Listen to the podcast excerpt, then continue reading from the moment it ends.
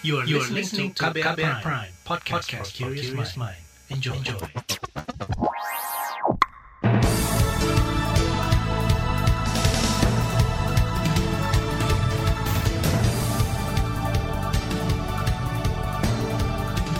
Selamat pagi saudara, jumpa lagi di program Buletin Pagi edisi Jumat 17 Desember 2021. Saya Naomi Liandra. Sejumlah informasi pilihan telah kami siapkan di antaranya Wisma Atlet di lockdown usai Omikron terdeteksi Indonesia. Bank Indonesia perkirakan pertumbuhan ekonomi nasional capai 5,5 persen. Gubernur Jawa Tengah minta semua sekolah pasang CCTV guna cegah kekerasan seksual di sekolah. Inilah Buletin Pagi selengkapnya. Terbaru di Buletin Pagi. Kementerian Kesehatan kemarin mengumumkan penemuan varian Omikron di Indonesia. Varian itu ditemukan pada sampel seorang pasien yang merupakan petugas kebersihan di Rumah Sakit Darurat COVID-19 Wisma Atlet Jakarta. Pada 8 Desember lalu, tiga petugas kebersihan dites PCR. Dua hari kemudian hasilnya menunjukkan ketiganya positif. Satu di antaranya positif terinfeksi varian Omikron dengan kondisi tanpa gejala. Tes PCR kedua dilakukan dan hasilnya negatif. Ketiga pasien masih menjalani karantina di Wisma Atlet. Saudara, selain temuan satu Omikron dari petugas kebersihan Wisma Atlet, Kementerian Kesehatan juga mendeteksi lima kasus kemungkinan Omikron. Dua kasus merupakan WNI yang baru kembali dari Amerika dan Inggris, sedangkan tiga kasus lainnya yaitu WNA dari Tiongkok yang datang ke Manado. Kelimanya kini sedang menjalani karantina di Jakarta juga Manado. Guna mengantisipasi penyebaran lebih luas, Rumah Sakit Darurat COVID-19 Wisma Atlet dikunci secara penuh atau lockdown. Mulai jam 10 tadi malam, sejumlah tower Wisma Atlet ditutup hingga tujuh hari ke depan. Selama lockdown, petugas berwenang di Wisma Atlet akan melakukan tes COVID-19 dan pelacakan penyebaran mutasi virus kepada seluruh penghuni. Mengomentari kondisi ini, penasihat Dirjen Organisasi Kesehatan Dunia WHO Dia Satyani Seminarsi mengatakan, kasus Omikron yang terdeteksi di Wisma Atlet diduga sudah menular di level komunitas. Karena itu, pelacakan kontak harus ditingkatkan untuk menemukan lagi kasus Omikron lain yang menularkan atau ditularkan oleh petugas kebersihan Wisma Atlet itu. Presiden Joko Widodo meminta seluruh jajarannya dan masyarakat untuk mengantisipasi penyebaran COVID-19 varian Omikron. Jokowi mengklaim masuknya varian Omikron memang tidak terelakkan, karena itu masyarakat diminta tidak panik dan tidak kendor menerapkan protokol kesehatan. Sekarang yang harus kita lakukan adalah bersama-sama berupaya sekuat tenaga agar varian Omikron tidak meluas di tanah air. Jangan sampai terjadi penularan lokal. Kita harus berupaya menjaga situasi di Indonesia tetap baik, kita pertahankan jumlah kasus aktif agar tetap rendah, tingkat penularan kita awasi agar bertahan di bawah satu, jangan sampai itu melonjak lagi. Presiden Jokowi menyebut varian Omikron belum menunjukkan karakteristik yang meningkatkan risiko kematian, terutama bagi pasien yang sudah divaksin. Untuk itu, Kepala Negara meminta masyarakat segera mendatangi layanan kesehatan untuk melakukan vaksinasi. Terkait penularan varian Omikron, Menteri Kesehatan Budi Gunadi Sadikin mengklaim Indonesia jauh lebih aman dibandingkan negara-negara lain. Tapi Budi tetap meminta masyarakat tidak berlibur Natal dan Tahun Baru ke luar negeri. Tolong liburan ini spend waktunya di dalam negeri. Tidak perlu ke luar negeri. Ya, Indonesia negara yang jauh lebih aman dibandingkan dengan banyak negara lain di luar. Kita jaga keluarga kita, kita jaga tetangga-tetangga kita, dan kita jaga seluruh rakyat Indonesia dengan mengurangi perjalanan ke luar negeri kalau tidak perlu, dan kita jalan-jalan saja di dalam negeri karena relatif kita jauh lebih aman. Menteri Kesehatan Budi Gunadi Sadikin mengingatkan penyebaran varian Omikron sangat cepat dan dikhawatirkan hal itu bisa membebani rumah sakit. Budi berpesan masyarakat harus terus waspada tapi tidak usah panik. Masyarakat juga diimbau tetap memakai masker, menjaga jarak, dan menghindari kerumunan. Sementara itu, juru bicara Satgas Penanganan COVID-19 Wiku Adhisa Smito mengatakan, pemerintah kini menetapkan situasi tanggap darurat untuk mencegah penyebaran COVID-19 varian Omikron.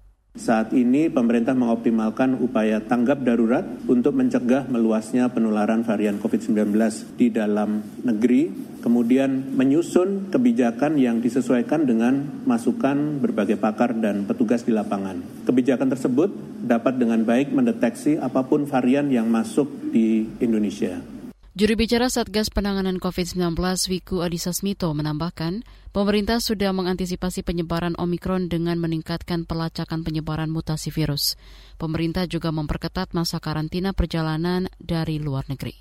Di lain pihak, epidemiolog dari Universitas Griffith Australia, Diki Budiman menyarankan pemerintah harus menginvestigasi secara epidemiologi pasca seorang petugas kebersihan di Wisma Atlet terinfeksi Omikron. Harus cepat lakukan tracing atau penelusuran kontak terutama selama beberapa hari terakhir atau sebelum petugas kebersihan tadi dinyatakan terinfeksi Omikron. Kemungkinan besar tertularnya kalau melihat ini ya, sementara ini tampaknya dari pasien karantina yang ada. Nah ini yang harus ditemukan. Karena kalau nggak ketemu, nah ini jadi pertanyaan, ini dari mana? Artinya kalau dia terdeteksi katakanlah semingguan lalu, ya harus cari semingguan lagi ke belakangnya. Orang-orang yang ada di situ, yang di dalam gedung dia layani, ini yang harus dicari, di tracing. Epidemiolog dari Universitas Griffith Australia Diki Budiman mengingatkan jika telusuran kontak dari petugas kebersihan yang tertular Omikron justru ada di gedung Wisma Atlet maka harus dilakukan karantina selama 10 hari terhadap gedung Wisma Atlet beserta seluruh penghuninya tanpa kecuali.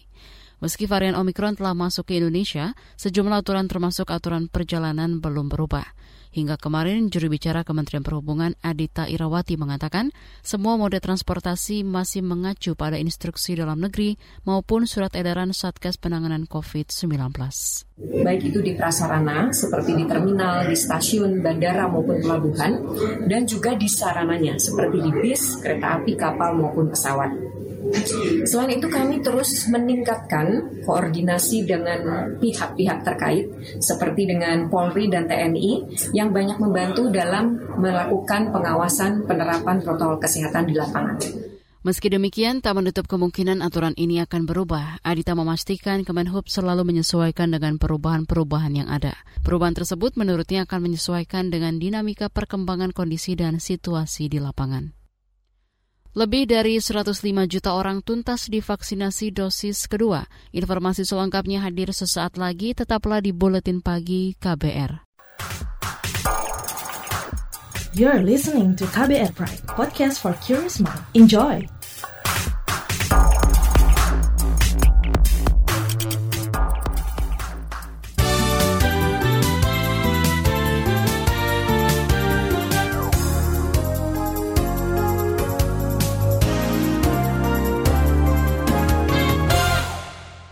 Anda sedang mendengarkan Buletin Pagi KBR. Anggota DPR dari fraksi PKB Lulu Nur Hamidah protes karena rancangan undang-undang tentang tindak pidana kekerasan seksual tidak dibahas di rapat paripurna kemarin. Saat interupsi, Lulu mengatakan rapat paripurna seharusnya mengesahkan RUU TPKS menjadi inisiatif DPR sesuai keputusan pleno sebelumnya. Saya mohon dengan kebijaksanaan juga rasa kemanusiaan yang harus kita tempatkan dan kita angkat lebih tinggi dari sekedar kepentingan-kepentingan politik, apalagi kepentingan politik jangka pendek.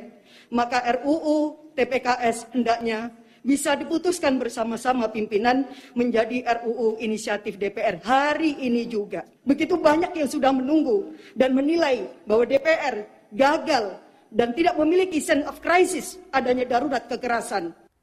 Anggota DPR dari fraksi PKB Lulu Nurhamidah menyebut RUU TPKS sudah sangat mendesak untuk disahkan menjadi undang-undang. Rentetan kasus kekerasan seksual terus terjadi termasuk pemerkosaan belasan santriwati di Garut. Interupsi juga datang dari politikus Partai Golkar Supriyansa, tapi ia justru meminta agar RUU TPKS jangan terburu-buru disahkan karena banyak tahapan yang harus dilalui. Melahirkan undang-undang harus rapi supaya tidak mudah melahirkan gugatan di Mahkamah Konstitusi. Sebelumnya, draft RUU TPKS sudah disetujui di tingkat Badan Legislatif pada 8 Desember lalu. Ada tujuh fraksi setuju, satu fraksi meminta ditunda yakni Golkar, dan satu fraksi menolak yaitu PKS. Presiden Konfederasi Serikat Pekerja Indonesia KSPI Said Iqbal menegaskan, aksi tuntutan buruh terhadap perubahan penetapan upah minimum akan terus dilakukan. Saat ini jeda aksi buruh di sejumlah daerah dilakukan untuk menunggu respon dari seluruh kepala daerah melakukan revisi penetapan UMP dan UMK. Kami ingin menjelaskan aksi-aksi buruh yang selama ini selesai pada tanggal 10 Desember 2021 yang lalu bukan berarti berhenti. Aksi buruh dari 6 sampai 10 Desember 2021 adalah melakukan jeda ya, jeda sementara untuk melihat sikap para gubernur di 34 provinsi di wilayah Republik Indonesia. Apakah para gubernur mendengarkan aspirasi kaum buruh atau tidak? Presiden KSPI Said Iqbal mendesak para gubernur tidak menggunakan peraturan pemerintah tentang pengupahan dalam menetapkan besaran upah minimum. Diharapkan para gubernur mau mendengar dan bersungguh-sungguh melakukan revisi ketetapan nilai UMK. Sebelumnya Kementerian Ketenagakerjaan mencatat UMP pada tahun 2022 naik rata-rata sebesar 1,09 persen. Kebijakan penetapan upah minimum diatur dalam Undang-Undang Cipta Kerja dan aturan turunannya. Informasi terbaru terkait vaksinasi COVID-19. Pemerintah melaporkan jumlah orang yang sudah divaksinasi COVID-19 dosis kedua hingga kemarin tembus 105 juta orang atau 50,53 persen dari target. Sementara jumlah orang yang sudah disuntik vaksin COVID-19 dosis pertama hampir 150 juta. Pemerintah menargetkan lebih dari 208 juta orang yang menjadi sasaran vaksinasi COVID-19 untuk mencapai kekebalan kelompok atau herd immunity. Beralih ke informasi ekonomi, Gubernur Bank Indonesia Peri Warjio memperkirakan ekonomi nasional pada tahun depan akan tumbuh menjadi 4,7 hingga 5,5 persen. Angka itu lebih tinggi dibandingkan proyeksi tahun ini yang berada di kisaran 3,2 sampai 4,4 persen. Peningkatan tersebut menurut Perry antara lain didukung konsumsi swasta yang semakin meningkat, kinerja ekspor dan belanja fiskal pemerintah yang terjaga, peningkatan mobilitas, dan pembukaan sektor ekonomi yang semakin meluas. Dengan perkembangan tersebut, Bank Indonesia memperkirakan ekonomi domestik pada tahun 2022 tumbuh lebih tinggi, yaitu menjadi 4,7 sampai 5,5 persen. Gubernur Bank Indonesia Peri Warjio juga menuturkan transaksi digital banking sejak Januari hingga November kemarin tercatat lebih dari 3.877 triliun rupiah. Jumlah ini naik 47 persen jika dibandingkan transaksi digital banking pada periode yang sama tahun lalu. Perry juga menyebut nilai transaksi uang elektronik tahun ini tumbuh 61 persen atau mencapai 31 triliun rupiah lebih. Adapun nilai transaksi penyebaran menggunakan kartu ATM, kartu debit, dan kartu kredit meningkat 8 persen menjadi lebih dari 674 triliun rupiah. Kita ke informasi mancanegara. Warga negara Indonesia korban meninggal di insiden kapal terbalik di perairan Malaysia bertambah lima orang. Konjen RI di Johor mengatakan saat ini total korban mencapai 16 orang WNI. Selain korban meninggal, KJRI Johor menyebut 20 orang lainnya masih belum ditemukan. Badan Keamanan Laut Bakamla siap menurunkan kapal patroli, membantu mempercepat evakuasi korban kapal tenggelam yang sebelumnya berangkat dari Tanjung Uban, Kepulauan Riau dan diduga mengangkut 60 migran ilegal itu. Bakamla juga masih berkoordinasi dengan pemerintah Malaysia terkait bantuan evakuasi tersebut. Beralih ke informasi olahraga, Menteri Pemuda dan Olahraga Zainuddin Amali berharap uji coba kehadiran penonton di babak delapan besar Liga 2 bisa berjalan lancar hingga akhir kompetisi. Selain itu diharapkan uji coba penonton selanjutnya bisa diterapkan di Liga 1. Pada babak delapan besar Liga 2, sekitar 300-an orang yang diperboleh hadir ke stadion. Rinciannya 100 supporter dari tiap masing-masing klub yang bertanding, 100 pejabat pusat dan daerah, serta 20 dari sponsor dan mitra. Diketahui babak delapan besar Liga 2 musim ini akan digelar pada 15 hingga 23 Desember dan terbagi menjadi dua grup, yaitu grup X yang diisi oleh Sriwijaya FC, Rans Cilegon FC, Persis Solo, dan Persiba Balikpapan. Lalu ada juga grup Y yang diisi PSIM Yogyakarta, Martapura Dewa United, PSMS Medan, dan Sulut United. Di bagian berikutnya kami hadirkan laporan khas KBR bertajuk rendahnya realisasi PEN untuk klaster kesehatan dan dampaknya terhadap penanganan COVID-19. Nantikan sesaat lagi. You're listening to KBR Pride, podcast for curious mind. Enjoy!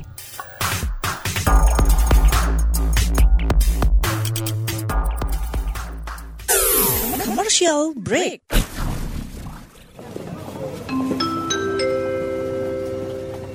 Mohon perhatian, panggilan terakhir penumpang Trending Air dengan nomor penerbangan WT0101 dipersilakan segera mendengarkan podcast What's Trending melalui Spotify. Karena podcast What's Trending sekarang ada di playlist teman perjalananmu. Selamat menikmati. Terima kasih.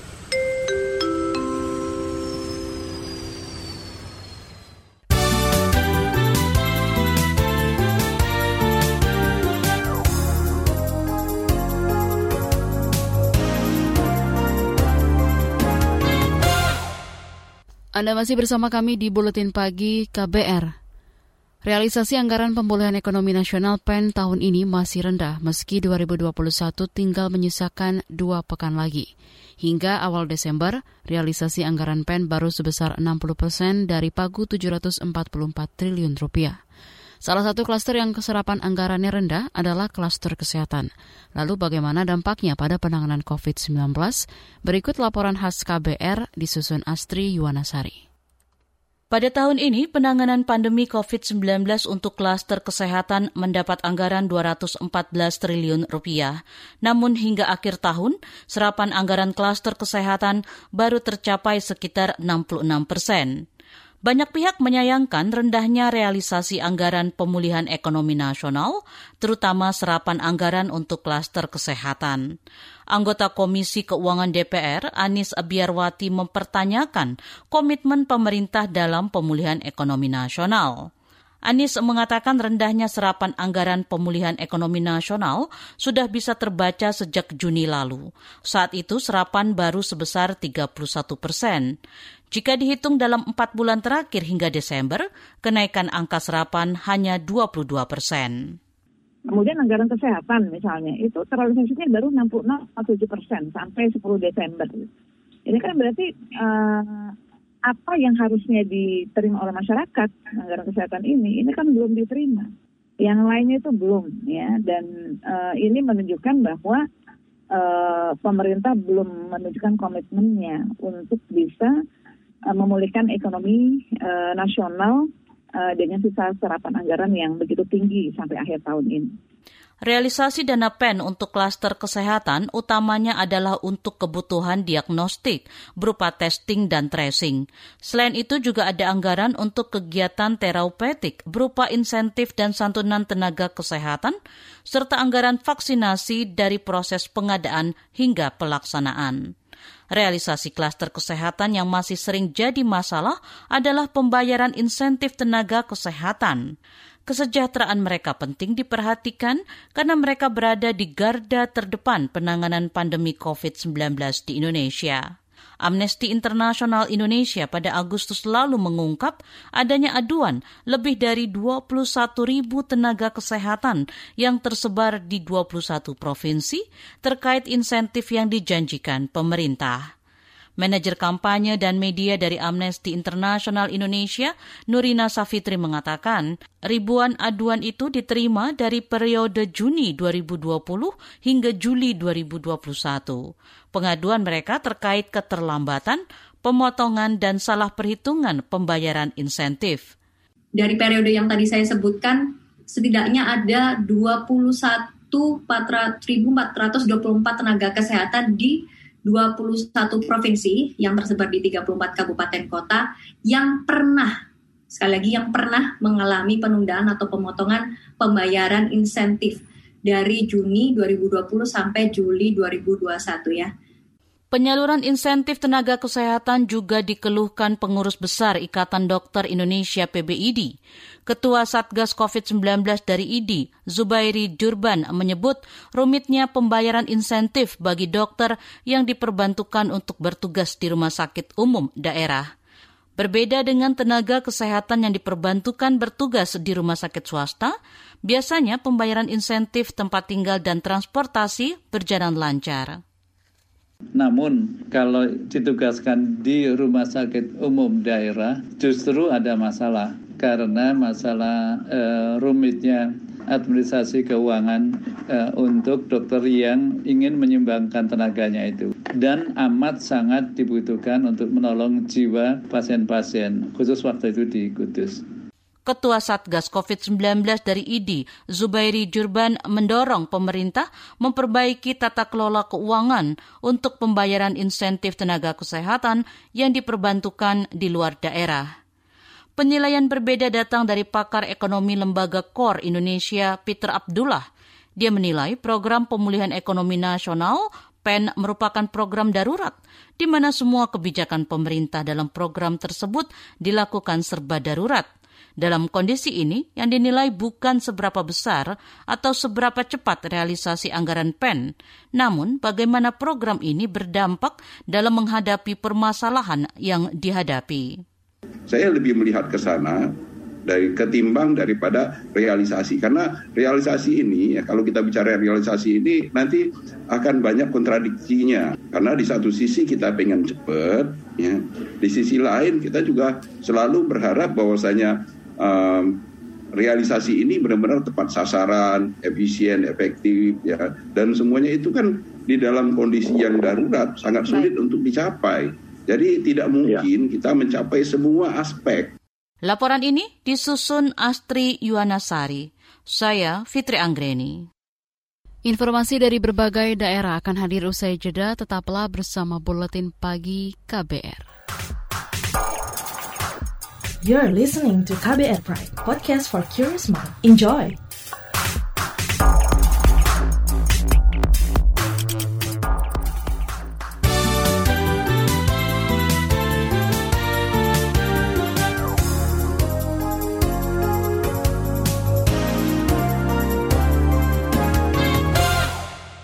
Inilah bagian akhir buletin pagi KBR. Pemerintah Provinsi Jawa Tengah menyarankan seluruh sekolah di Jawa Tengah memasang kamera pengawas atau CCTV. Menurut Gubernur Jawa Tengah Ganjar Pranowo, pemasangan CCTV untuk merekam seluruh aktivitas lingkungan sehingga kasus kekerasan seksual di lembaga pendidikan bisa dihindari. Dan itu di Jawa Tengah juga ada. Makanya kemudian menjadi momentum yang kemarin saya mintakan Dinas Pemberdayaan Perempuan Anak kerja kita nampaknya lebih harus keras lagi. Dinas Pendidikan saya minta kumpulkan itu semua guru-guru dan kepala sekolah. Enggak boleh ada lagi cerita seperti ini. Kalau perlu pasang CCTV sekolah-sekolah itu. Kalau tidak, kita akan kecolongan.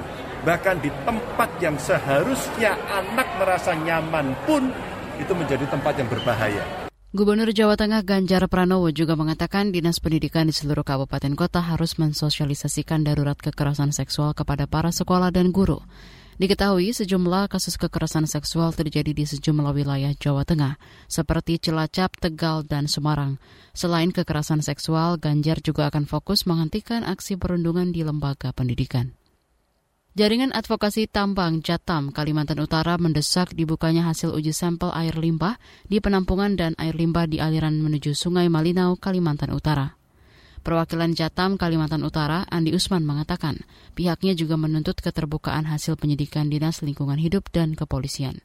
Penyidikan itu untuk mengetahui apakah limbah industri tadi sengaja dibuang ke Sungai Malinau atau karena instalasi pengolahan limbahnya bocor hasil uji sampel air limbah di, di penampungan air limbah di aliran menuju sungai dan beberapa titik air di Sungai Malinau. Jadi itu yang saya mau dapatkan. Terus hasil penyidikan yang katanya mereka turun ke lapangan yaitu DLH, DLH Provinsi, DLH Kabupaten dan Polda Kaltara. DLH eh, Kaltara kalau memang mereka turun ke lapangan, ayo Uh, silakan dibuka aja datanya kalau kena ini berhubungan langsung dengan banyak orang Sebelumnya warga dari 14 desa terdampak kesulitan mendapatkan akses air bersih. Penghidupan mereka terganggu akibat sungai Malinau tercemar limbah. Desa-desa yang terdampak misalnya Senganyen, Langap, Longlore, Gengsolok, Batu Kajang, Setarap, Setulang, Setaban, dan lainnya. Warga desa terdampak terpaksa menada hujan untuk memenuhi kebutuhan air bersihnya. Tercemarnya sungai Malinau di Kalimantan Utara pertama kali disadari awal Februari lalu. Ketika itu tanggul kolam limbah milik perusahaan batubara PT Kayan Putra Utama Kol KPUC jebol dan limbahnya mencemari sungai Malinau. Wakil Presiden Maruf Amin memastikan pemerintah akan segera merelokasi rumah warga terdampak erupsi Gunung Semeru. Itu disampaikan Wapres usai dialog virtual dengan Bupati Lumajang dan pejabat daerah lainnya kemarin.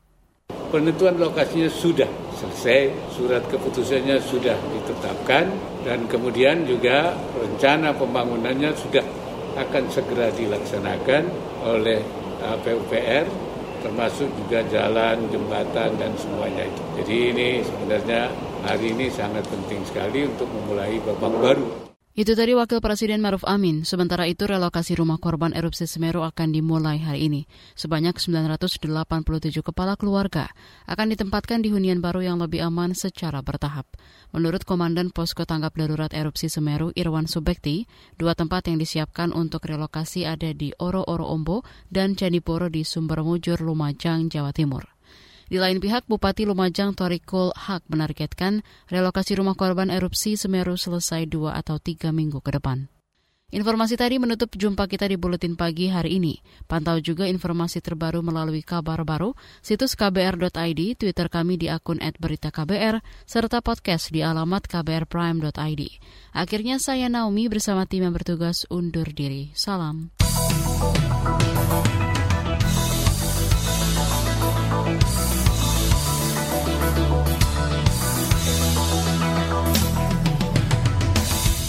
KBR Prime, cara asik mendengar berita. KBR Prime, podcast for curious mind.